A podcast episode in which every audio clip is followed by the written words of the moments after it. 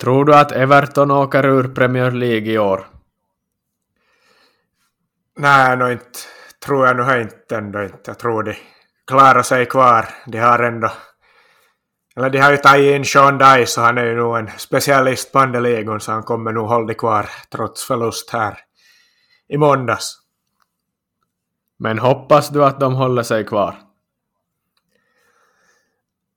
en svårare fråga alltså. Klart det skulle ju vara kul om de åker ur men det är ju kul med derbyn också. Nu behöver man ju alltid derbyna, speciellt sådana här säsonger när vi inte har så mycket annars till glädje. åt. Men, man är väl kluven över den där frågan, men det skulle väl kanske vara kul att de åker ur en säsong och så kommer de tillbaka sen. Finns det någon mer avskyvärd person än Jordan Pickford? Det var ju desto lättare att svara på. Där ett tydligt rungande nej.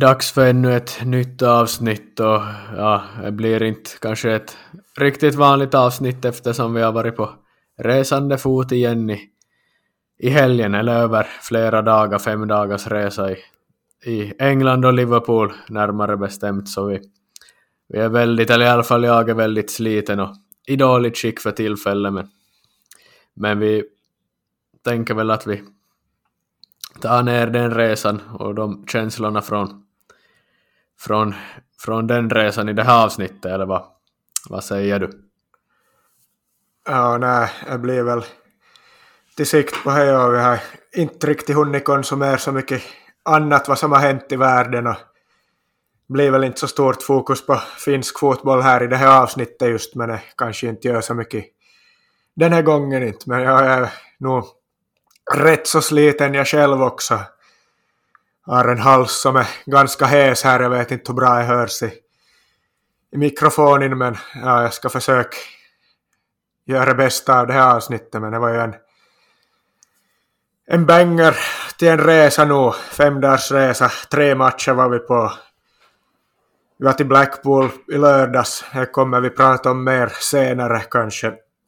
Så var vi till Prenton Park och kolla på Liverpools damer som tog emot Leicesters damer i, i söndags och så var vi på det stora Merseyside Derby då på måndagen och var och besegrade Everton på Anfield. Ja, och det var ju en, en sån här måndagsmatch så det betyder ju att det är inte riktigt lika mycket så här fotbollsturister utan det är ganska mycket lokalbefolkning som, som går på vardagsmatcherna. Vi är ju fotbollsturister på plats, men vi är ju hör till den skaran som bidrar med, med sång på läktaren i alla fall, till skillnad från de som kommer dit och köper tvådelade halsdukar och fotar runt med sina selfiepinnar. Så. så vi bidrog så mycket vi kunde och, och är ju också de andra på arenan för jag hade ju utlovats en en flaggdag från The Cop, från Liverpools en supportergrupp som hade organiserat upp en, en flaggdag och ja, man hade gått ut med att man skulle skapa en, en mäktig atmosfär och försöka att ha, ja, återskapa den kända Anfield-atmosfären som allt för ofta går förlorad i, i de här vanliga matcherna. Men, men det blev nog en, en så mäktig inramning nu då. Det, ju, det blir ju alltid speciellt då det är stormatcher och derbyn och Europamatcher, men övriga matcher, äh, där är det nog ganska trött nu för tiden, precis som överallt annanstans, men du kan väl bara gå tillbaks till hösten då vi var senast mot Brighton. Nu var ju som natt och dag jämförelsevis med då. Ja, så är det ju nog inte.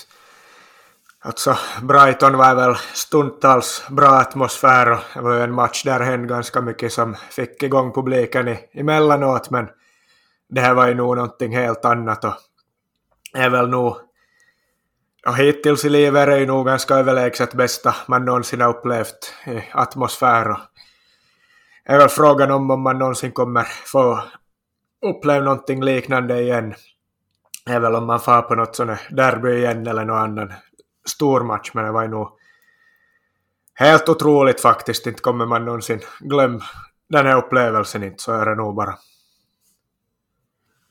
Jo, nej, och vi laddade ju upp som sig bör att jag åkte tidigt ut till Anfield och arenaområdet flera timmar före avspark och sjunga igång med de andra supportrarna på, på de här olika ja, supporterhaken och pubbarna, Taggis och This is Anfield Hotel var vi väl först på.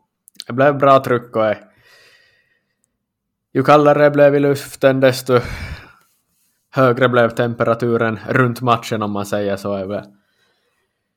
Det blev en, en speciell kväll och derby är alltid derby och Merseyside derby en måndag under strålkastarljuset var mäktigt att att inte, att inte spelades på dagen utan en, en kvällsmatch under strålkastarljus är alltid extra speciellt.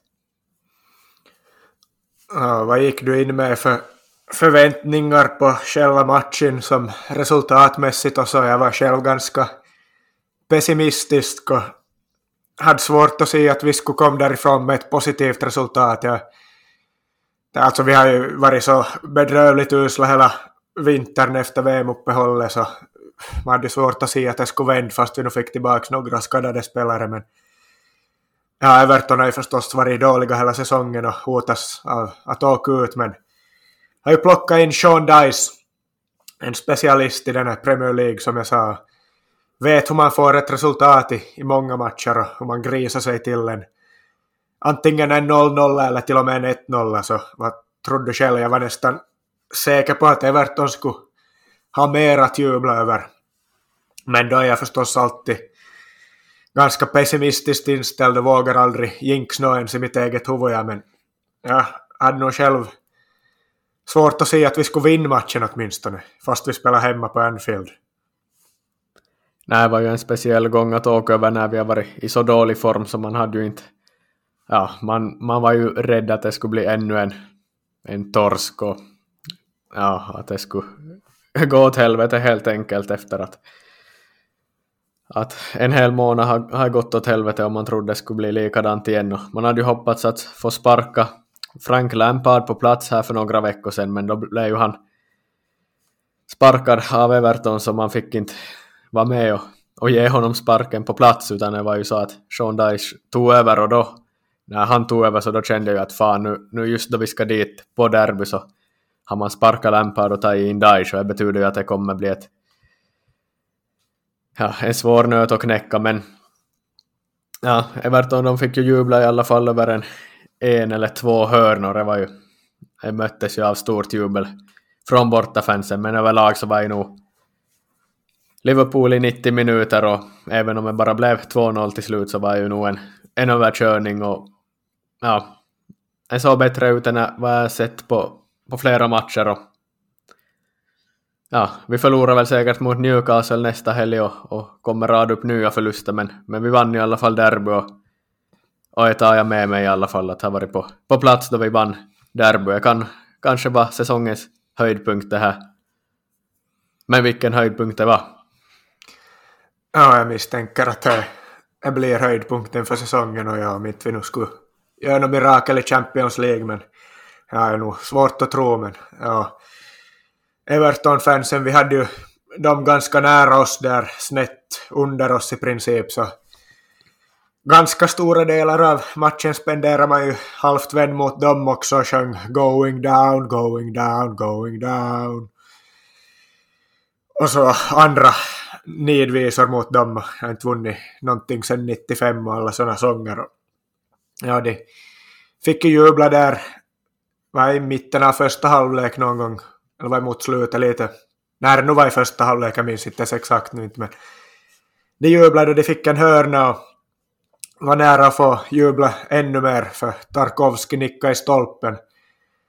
Skulle ha blivit mål där skulle ha kunnat bli en helt annan match förstås och då skulle vi nog ha fått det svårt men istället vände vi på spelet. Darwin Nunez tar bollen i straffområdet och väggar sig med Salah drar iväg på 70-80 meters spurt och så sänder han in en passning då in mot mitten där Pickford går bort sig helt och Salah har öppet mål och pet in bollen nu.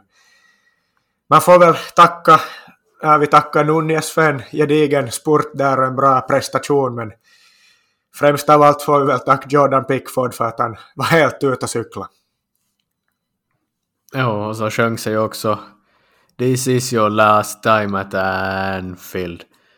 Eftersom man hoppas att Everton åker ur och, och det var mycket det var mycket ironiska och retfulla ramsor som drogs mot Everton med tanke på hur mycket de maskar och spelar tid och vad de har gjort senaste åren mot Liverpool så fick de ja, bumerangen kom tillbaks i ansiktet på dem och speciellt på Jordan Pickford också som, som hamnade i bråk med Andy Robertson i slutet av matchen och det blev ju ja, det hade blivit 2-0 och segern var ju klar men när de gick upp mot varandra i ett bråk så blev det ju då exploderade Anfield en ytterligare en nivå. Ja. Hela arenan stämde upp i Divock Origi-sången för att ytterligare spä på mot Jordan Pickford där. Det var vi, vi sjöng inte så trevliga och vänliga saker men, men, men så var det den här gången. Ja, det här bråket fick vi ju, det var ju som i princip rakt nedanför oss, framför oss.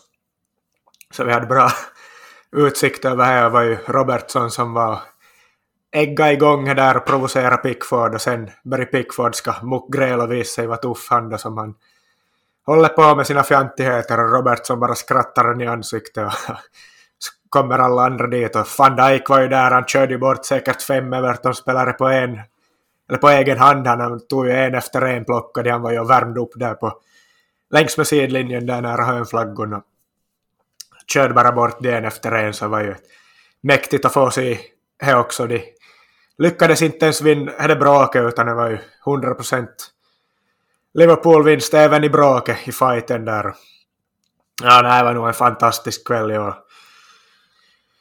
Finns väl inte något dåligt att säga om någonting egentligen, eller har du någonting negativt att anmärka på? Jag kommer nog inte på någonting jag skulle vara missnöjd med. Inte en enda spelare gjorde en dålig prestation och då har i princip alla spelare gjort dåliga prestationer i alla matcher sen VM-uppehållet förutom Stefan Bajetic då kanske. Men nej, idag, eller idag, i måndags tyckte jag att varenda en stod upp för sig och gjorde bra. Mittfältet har varit hårt kritiserat men det var ett intressant mittfält med Fabinho och så Henderson och Bajetic där framför då. De tog kampen väl och de pressade ut Everton och spelade ut det också med bollen. Och var en viktig del till att vi vann den här kampen.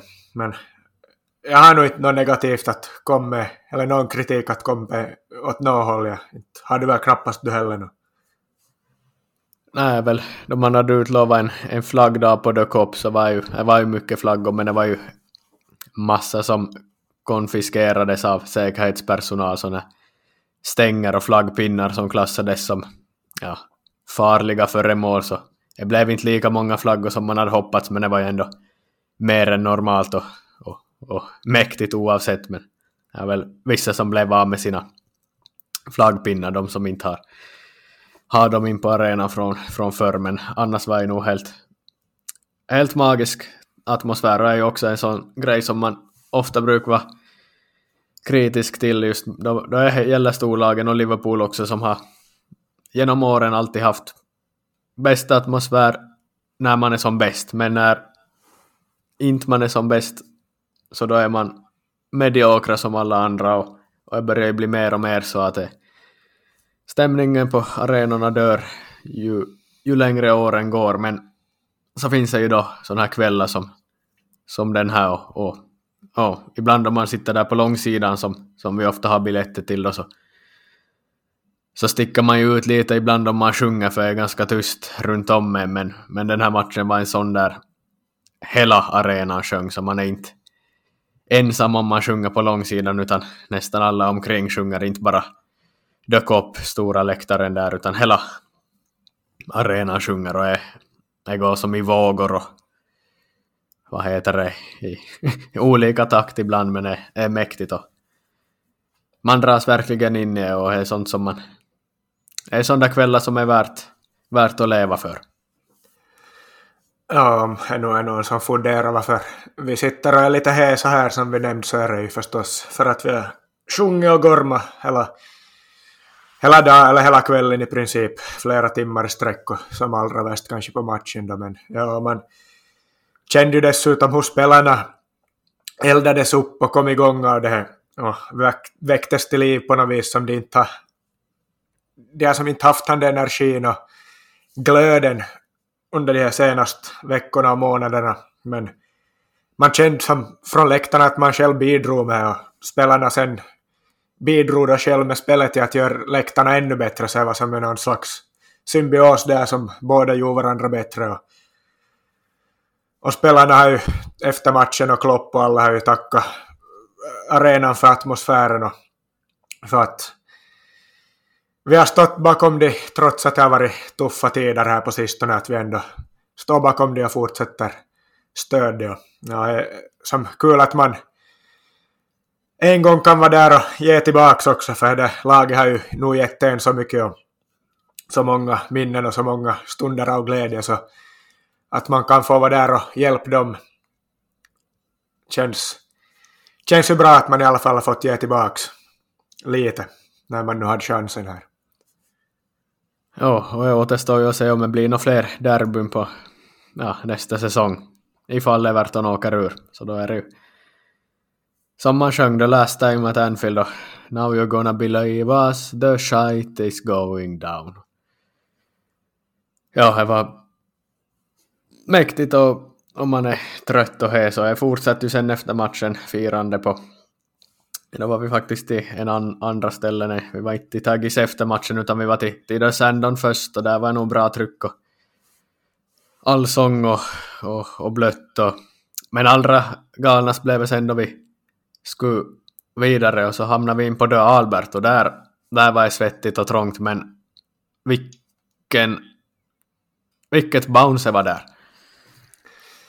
Ja, på tal om bounce så har ju Diogo Jota fått en andra sång och den är väl nästan lika bra som hans första men är ju den där gamla Torres Bounce-sången. Na, na, na, na, na, na, na, na, na. Och den var ju i full rullning hela kvällen både, både före och efter matchen och har börjat satsa i den nu också. Du var lite skeptisk till att han får en andra sång du men han är ju nog världsklass den här sången också, lika bra som hans första i princip så eh, inte gör det mig nå att han har två bra sånger inte, men det var väl nästan han som var kvällens melodi där och det var väl dessutom då Jota var tillbaka i matchtruppen efter några månaders skadefrånvaro så var folk lite extra glada över just Diogo Jota.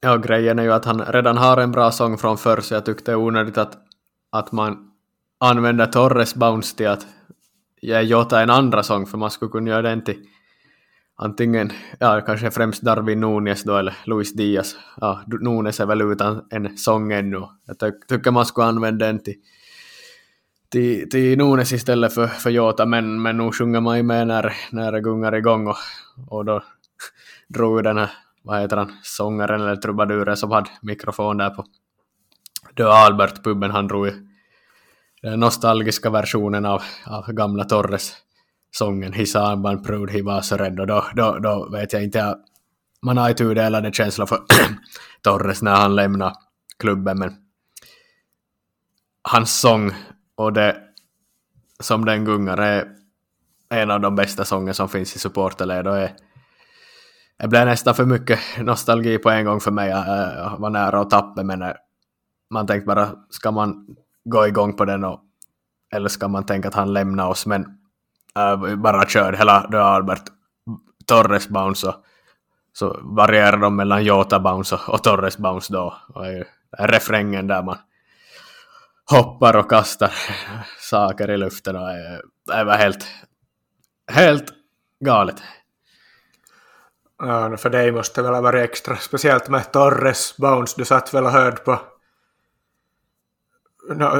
inspelning på en gammal knapptelefon från Youtube med Torres-sången. Hela vägen upp då vi for till Salla i Lappland en gång, eller ungefär en åtta timmars, nio timmars färd dit upp med bil, men du satt väl en gång och hörde i princip hela vägen på Fernando Torres-sången via en skråligt, inspe eller skråligt inspelat från Youtube på din gamla knapptelefon. Ja, jag var faktiskt på en sån här MP3 som jag hörde ända tills batteriet tog slut. Ja, så var jag. Ja, no, Nunez lär ju nog få säga någon sång han också. Han är nog, trots att han har haft det ganska jobbigt stundtals under säsongen och fått jättemycket kritik så han är nog populär där på Anfield. Han är väldigt älskad också redan. Trots att han har haft sina svagare stunder och missat mycket och sånt. Men han, man ser ju nog hur mycket han bidrar med faktiskt. Han är extremt snabb förstås och alltid ett hot och är ju det kaoselementet han har som inte så många andra spelare har. Så att han vet inte själv alltid vad han gör heller. Men det blir ofta farligt. Och kämpar och sliter där så är man, alltså jag gillar nog att se det. Darwin Nunez, jag tycker nog inte han är helt dålig. Det är enkla bara då, kopp, eller då ropas Nunez, Nunez, Nunez. Det han har gjort något bra, det blir ganska intensivt också, ofta så. Ja, Darwin Nunez han är nog en, en bra typ, han var nog där och provocerade i det bråket också. kan ju inte nå engelska förstås, men han var nog där och visade 2-0 vad ställningen var. Riktigt sådär kaxigt och drygt. Som man gillar när man har han på en slag. Ja, han Ja, han, han håller på att bli en av mina favoriter faktiskt, Darwin Nunez, och målen kommer ju komma också för han är jag 100% säker på, så mycket som han skapar.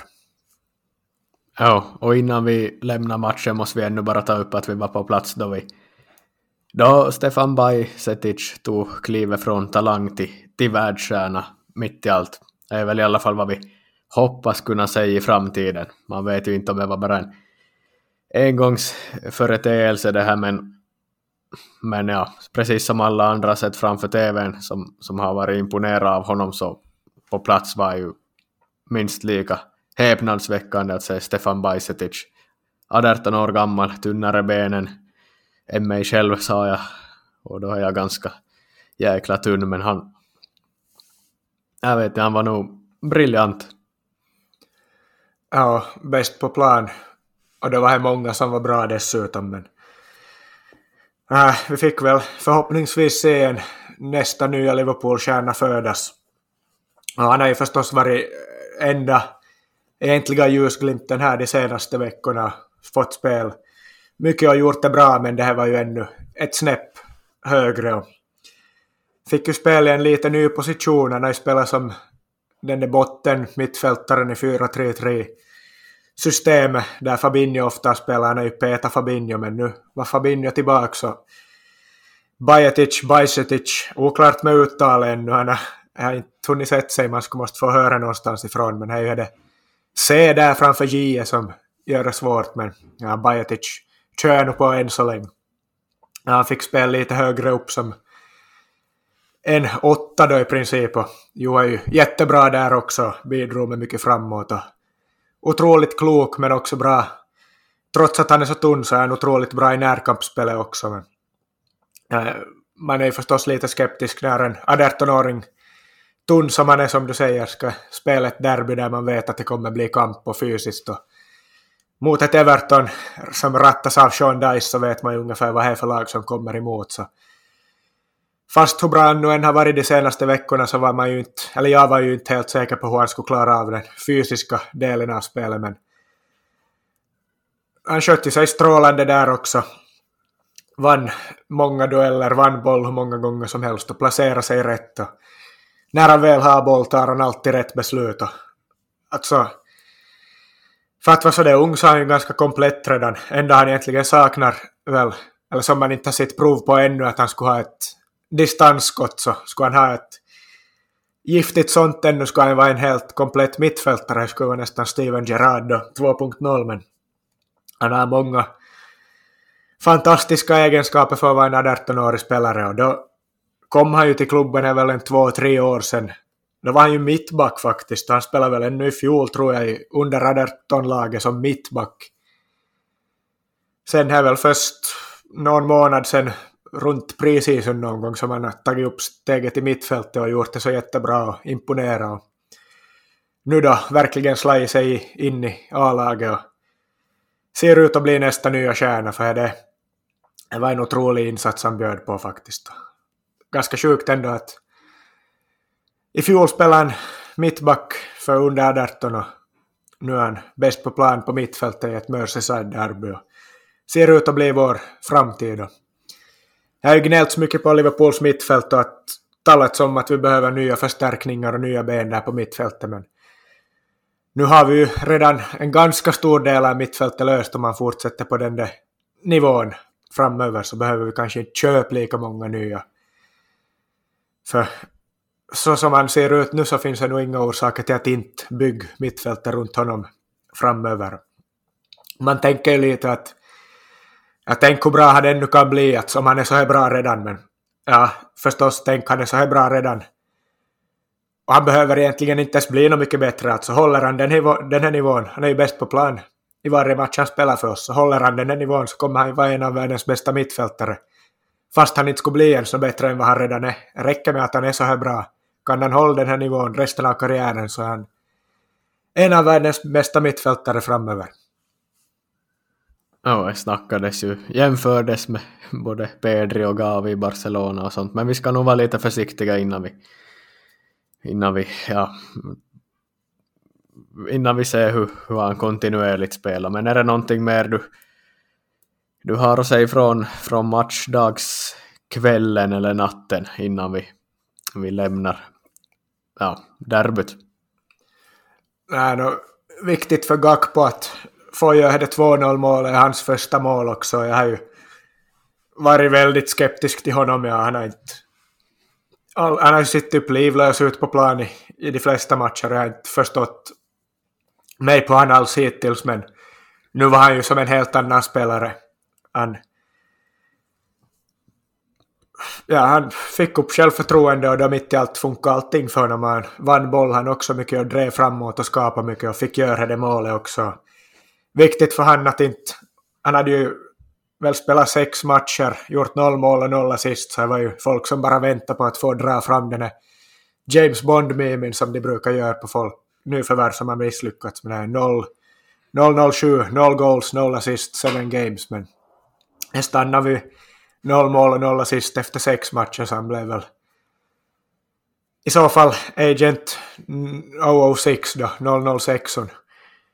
Men han slapp den här 007-memen så det kan nog ha varit en, en viktig milstolpe att undvika för honom. Ja, och överlag, ja, vi har ju som sagt inte tagit del av någon annan fotboll än engelsk eftersom vi har varit där i, i norra delarna av England så men det vi i alla fall har tagit del av är ju att det här som vi pratade om förra avsnittet om, om Manchester City och allt fusk de håller på med eh, tar ju nu fart för varje dag och och det var ett stort ja, samtalsämne såklart på de brittiska öarna också. Ja, vi behöver väl inte spekulera något mer, vi väntar väl och, och ser där men ja, det är ju bara fotboll i, i radio och tv där om man, alltså nyhetsmässigt om man vill ta del av sånt som är ju man konsumerar mycket fotboll bara genom att ha på tvn där men men ja, vi var ju också på, på damfotboll på, ja, det var ju dagen före på, på söndagen när Liverpools damer spelade mot Leicester City, tabelljumbon Leicester, och där blev vi ju ja, besvikna får vi väl säga, för, för det var ju faktiskt en bedrövlig fotbollsmatch. Det var ju ja, Liverpool var ju bättre lagen men förlorade med 1-0 efter Leicesters enda chans och det var ju med så horribelt försvarsspel där så det var ju dåligt men Ja, matchen spelades ju på Prenton Park i Birkenhead. Tranmere Rovers hemmaarena, alltså League 2-laget Tranmere som, som finns som alternativ att få kolla på om man är i Liverpool samtidigt som de har match. Men det hade de ju inte den här helgen utan det var ju Liverpools damer som spelade där och vi var dit och det var ju kul att få se en ny arena i alla fall. Och en gammal arena men, men en som inte vi har varit på tidigare. Och helt fin omgivning där och gammalt så här plåtskjul och ganska brant stå, ja, gammal ståplatsläktare där och sånt men det var mäktigt att se arenan men fotbollen var inte något bra. Nej, faktiskt överraskande dåligt. Man hade förväntat sig mer helt ärligt. Kvaliteten på spelet var nog dålig, rent ut sagt. Man ska väl vara ärlig. Ärlighet vara längst. Jag ska inte låtsas något annat. Det var en dålig fotbollsmatch. Man tänkte ju ändå att den engelska Women's Super League är ju är väl, börjar väl vara världens bästa liga på damsidan och ja, borde ju innebära en viss kvalitet tänkte man, men det var nog inte något jättebra alls faktiskt. Topplagen är väl säkert betydligt bättre. Det här var ju en match mellan två bottenlag. Leicester är ju ganska överlägset sist i tabellen och Liverpool steg ju från andra ligan i fjol och befinner sig i botten de också, men nej, det var faktiskt en dålig match och Leicester fick 1-0 där på en hörnvariant där då som Liverpool inte försvarade riktigt bra som du säger. Och sen Liverpools spel gick väl egentligen ut på att försöka få inkast på offensiv planhalva där de hade en wingback som skulle kasta in bollen in i boxen och hon kastade faktiskt extremt långt. Alltså månne, månne inte hon kan vara den som kastar längst av alla damspelare i hela världen. Hon kastar i princip lika långt som de här spelarna som kastar långt. Så det var ju ett vapen som de fattade till använd men det blev ju en ganska speciell matchbild och Liverpool hela tiden i princip försöka kasta in bollen in mot mål och flytta upp mittbackar så det var ju som ganska hackigt och så det tempo drogs ju ner av att det blev i princip fasta situationer hela tiden då. Men klart, har man ett sånt vapen så nu förstår jag att man använder det. Sen när nu Liverpool skulle försöka bygga upp spelet via marken eller spelmässigt ta sig fram så hade det ju svårare så det är väl ett enklare sätt att få chanser då. De har gjort många mål på det sättet också vet jag den här säsongen. Ja, nej, tyvärr faktiskt en överraskande dålig kvalitet på matchen. Man hade nog förväntat sig mer. En annan liten besvikelse var väl från finsk synvinkel att Emma Koivisto inte var med i matchtruppen ens för Liverpool. Hon har ju spelat där sen i somras och gjort det bra också och varit ordinarie och varit en viktig del av laget men hon hade nog baklåsproblem tror jag, verkar nog inte vara något farligare men vi fick ju inte se hon spela då heller inte. Och, ja, hon satt på läktaren några rader nedanför oss med gamla världsstjärnan Janice van der Sanden. Så vi fick nog se det på läktaren där, men tyvärr inte på plan.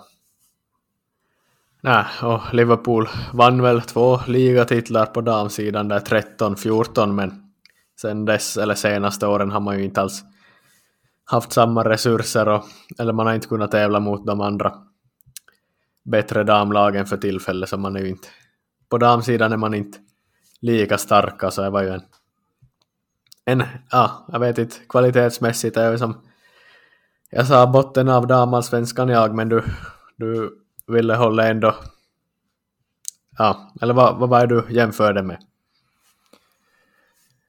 Ja, jag minns nog inte exakt, men då tror jag det skulle vara ett mittenlag ändå i damallsvenskan. Och nu har jag nu inte sett så jättemycket på damallsvenskan, men nu finns det ju det är väl ganska stor skillnad på topplagen och, och bottenlagen i damallsvenskan.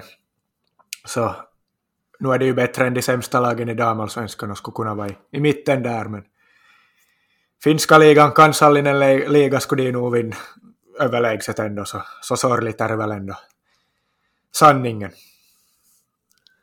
Jo, och vi hann ju också med en, en tredje match, en heldagstrip till Blackpool och Championship på lördagen. En riktigt häftig upplevelse, men det blir för långt om vi ska prata om hela den upplevelsen och matchen här i det här avsnittet, så vi gör så att vi kommer göra ett specialavsnitt i form av ett alltså, resereportage där vi pratar om, om Championship-matchen och upplevelsen och alla tankar kring staden Blackpool. Är en häftig och gammal förfallen stad så vi, vi släpper ett specialavsnitt om det här i dagarna så ni får gärna lyssna på det för det tror jag kommer bli väldigt intressant. Vi hade speciella förväntningar och vi tog del av intressanta intryck därifrån. Ja, Blackpool måste nog vara ett av de allra märkligaste ställena man någonsin faktiskt har varit på. Så rekommenderar att ni lyssnar på det. Vi ska spela in det här nu i dagarna så kommer det väl kanske i helgen någon gång.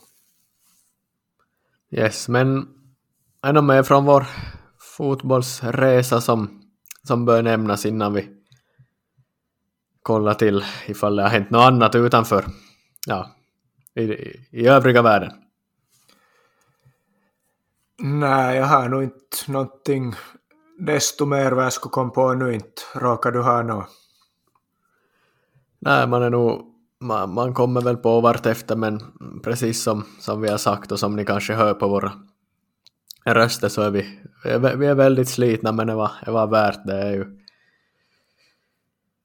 eh, man lever ett ganska, i alla fall jag, ett ganska hälsosamt liv här, här hemma med, med ganska bra kost och sömn och ingen alkohol och, och, och träning. Men när man är iväg på fem dagars resa i i Liverpool så blir det, det blir ingen träning, det blir eh, ohälsosam mat och det blir en del dryck också så det blir det märks och, och jag är sliten nu och, och, och, du är väl det också.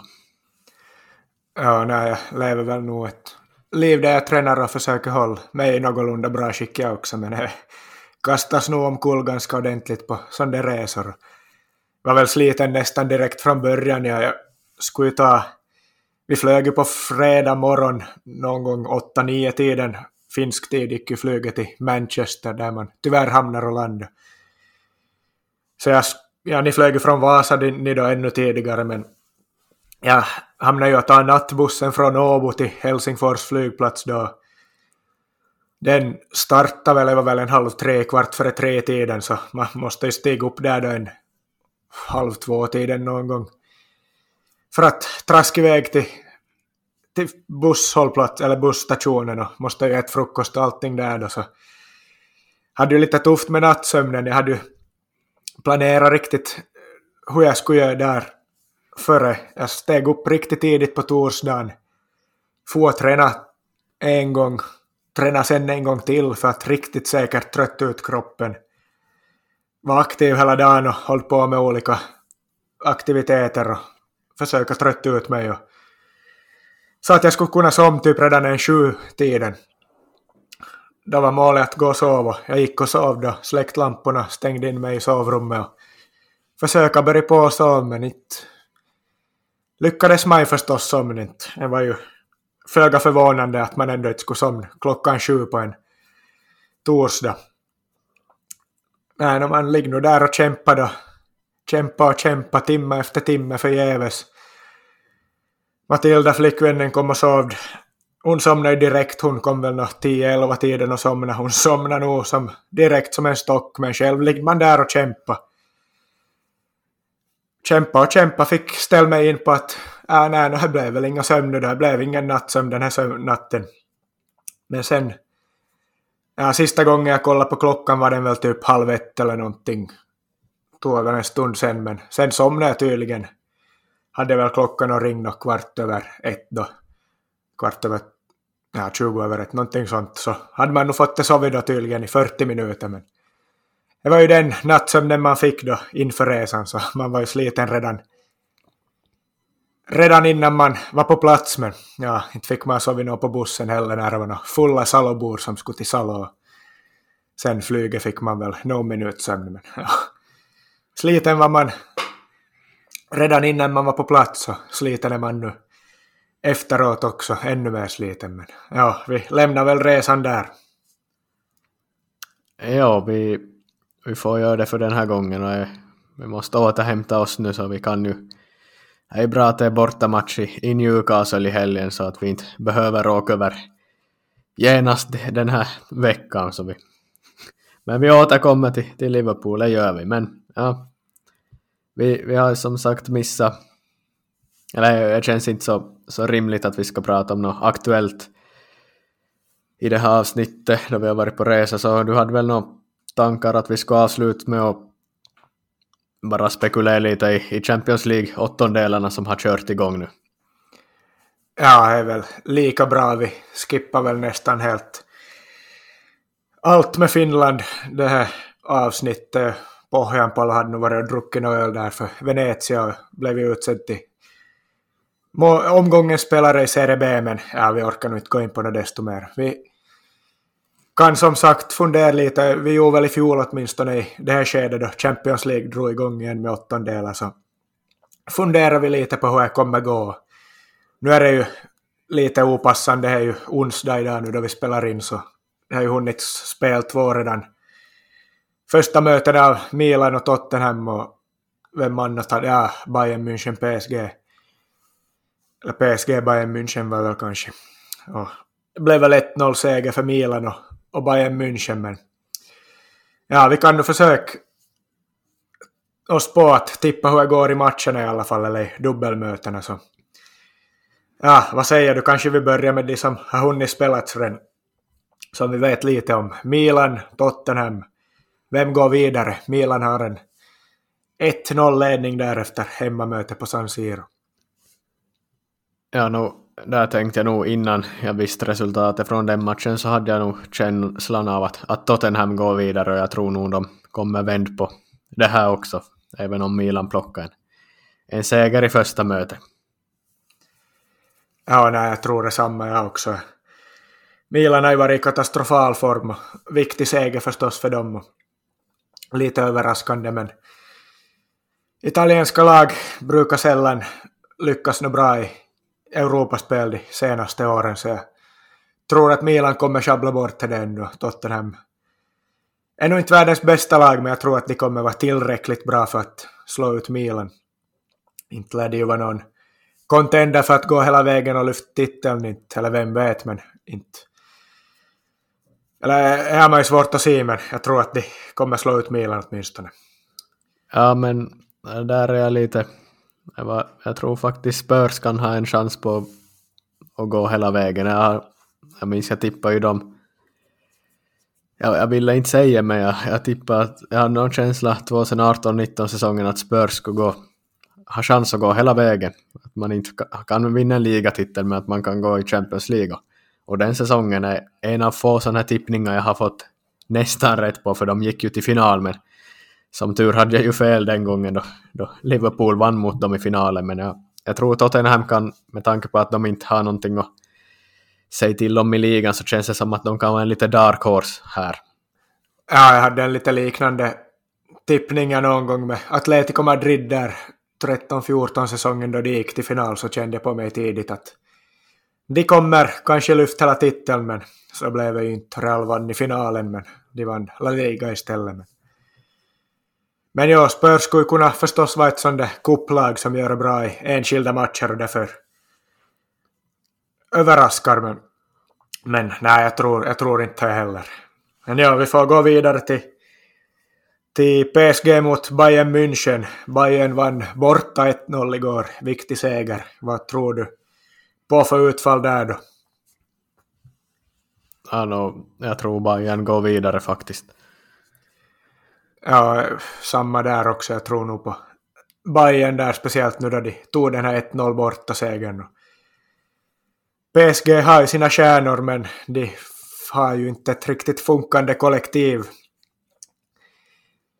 Och när de har de där tre där fram, nu var väl bara två som spelade från start, Neymar och Messi igår, men det funkar inte att ha tre spelare som inte alls har något defensivt ansvar i, dagens fotbollsvärld. Så Bayern München inte är de nu i sitt bästa slag eller har sin bästa säsong inte, men jag tror nog att de kommer ta en stabil seger också på hemmaplan. Ja, stabil och stabil. Men jag tror i alla fall att de löser avancemanget också. Sen får vi väl koll här. Vad har vi idag? Har vi ju två matcher som ska spelas ikväll. Klubb Brygge tar emot Benfica. Där tror jag på Benfica nu. är väl he, troliga. Även om Benfica, eller om Brygge Jo är ju jättebra i, i gruppspel och släppte knappt in ett enda mål, men det var väl inte världens svåraste grupp de hade där heller, fast man nu inte ska ta något bort av prestationen. Men Benfica, ett bra lag som kommer slå ut Brygge som är lite sämre.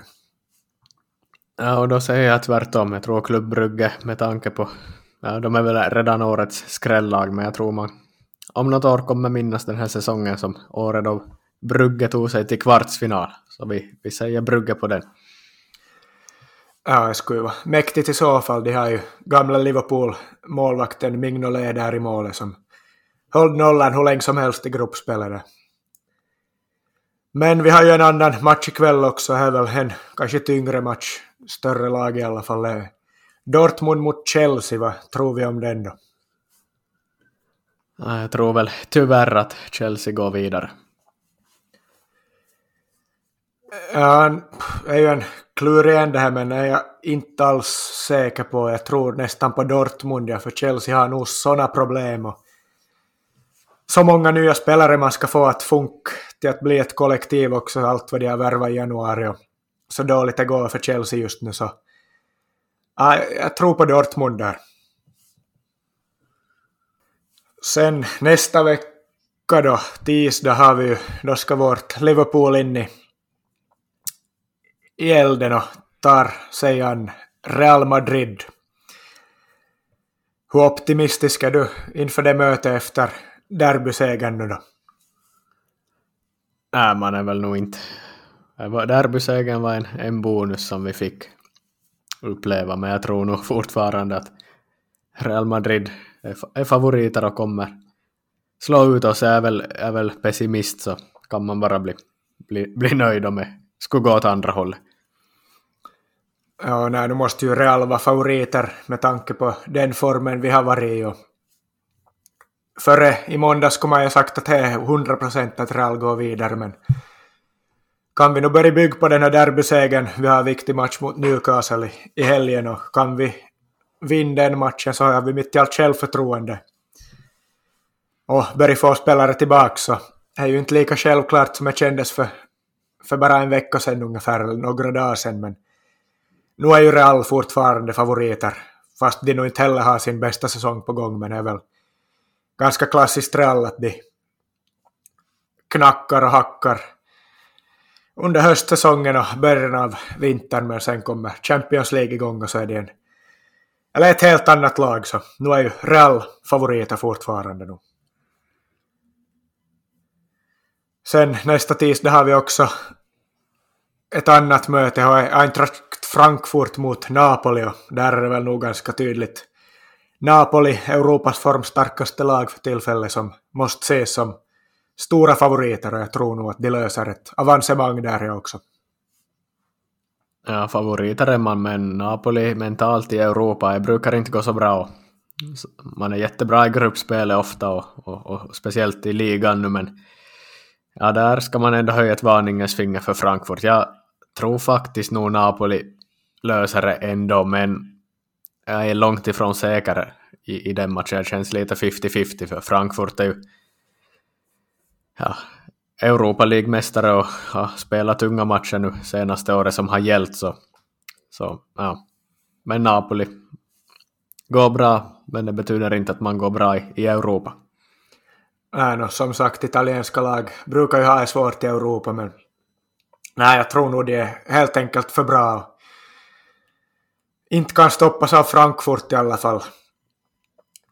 Det är ju ett annat Napoli, som vi vet, än vad som har varit de senaste åren så är inte det samma Napoli som har haft det svårt i Europa heller, utan det är så många nya spelare och huvuden där som inte har tagit stryk av tidigare nederlag, så Napoli blir nog farliga också i Champions League i år. Sen har vi väl då två möten kvar nästa onsdag. plastmötenas plastmöte, Red Bull Leipzig mot Manchester City och det blir väl nog en City-vinst där inte. Kan man väl tänka sig något annat.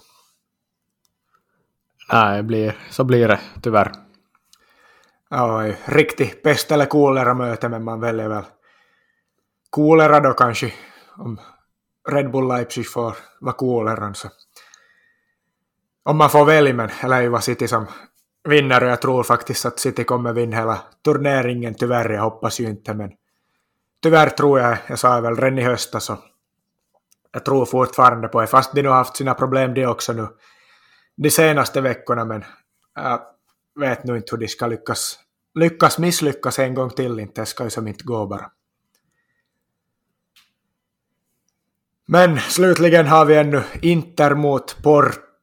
Det är väl en lite lurigare match. Det Inter ska ju vara favoriter men som sagt, som det börjar bli tjatigt det här nu med italienska lagen i Europa är aldrig någon garanti.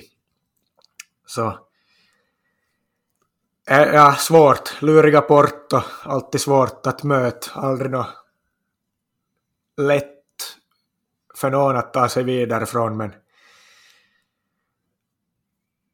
ja, jag kan nästan se att Porto slår ut Inter här. Det känns ganska 50-50 i mitt huvud här. Vad säger du själv?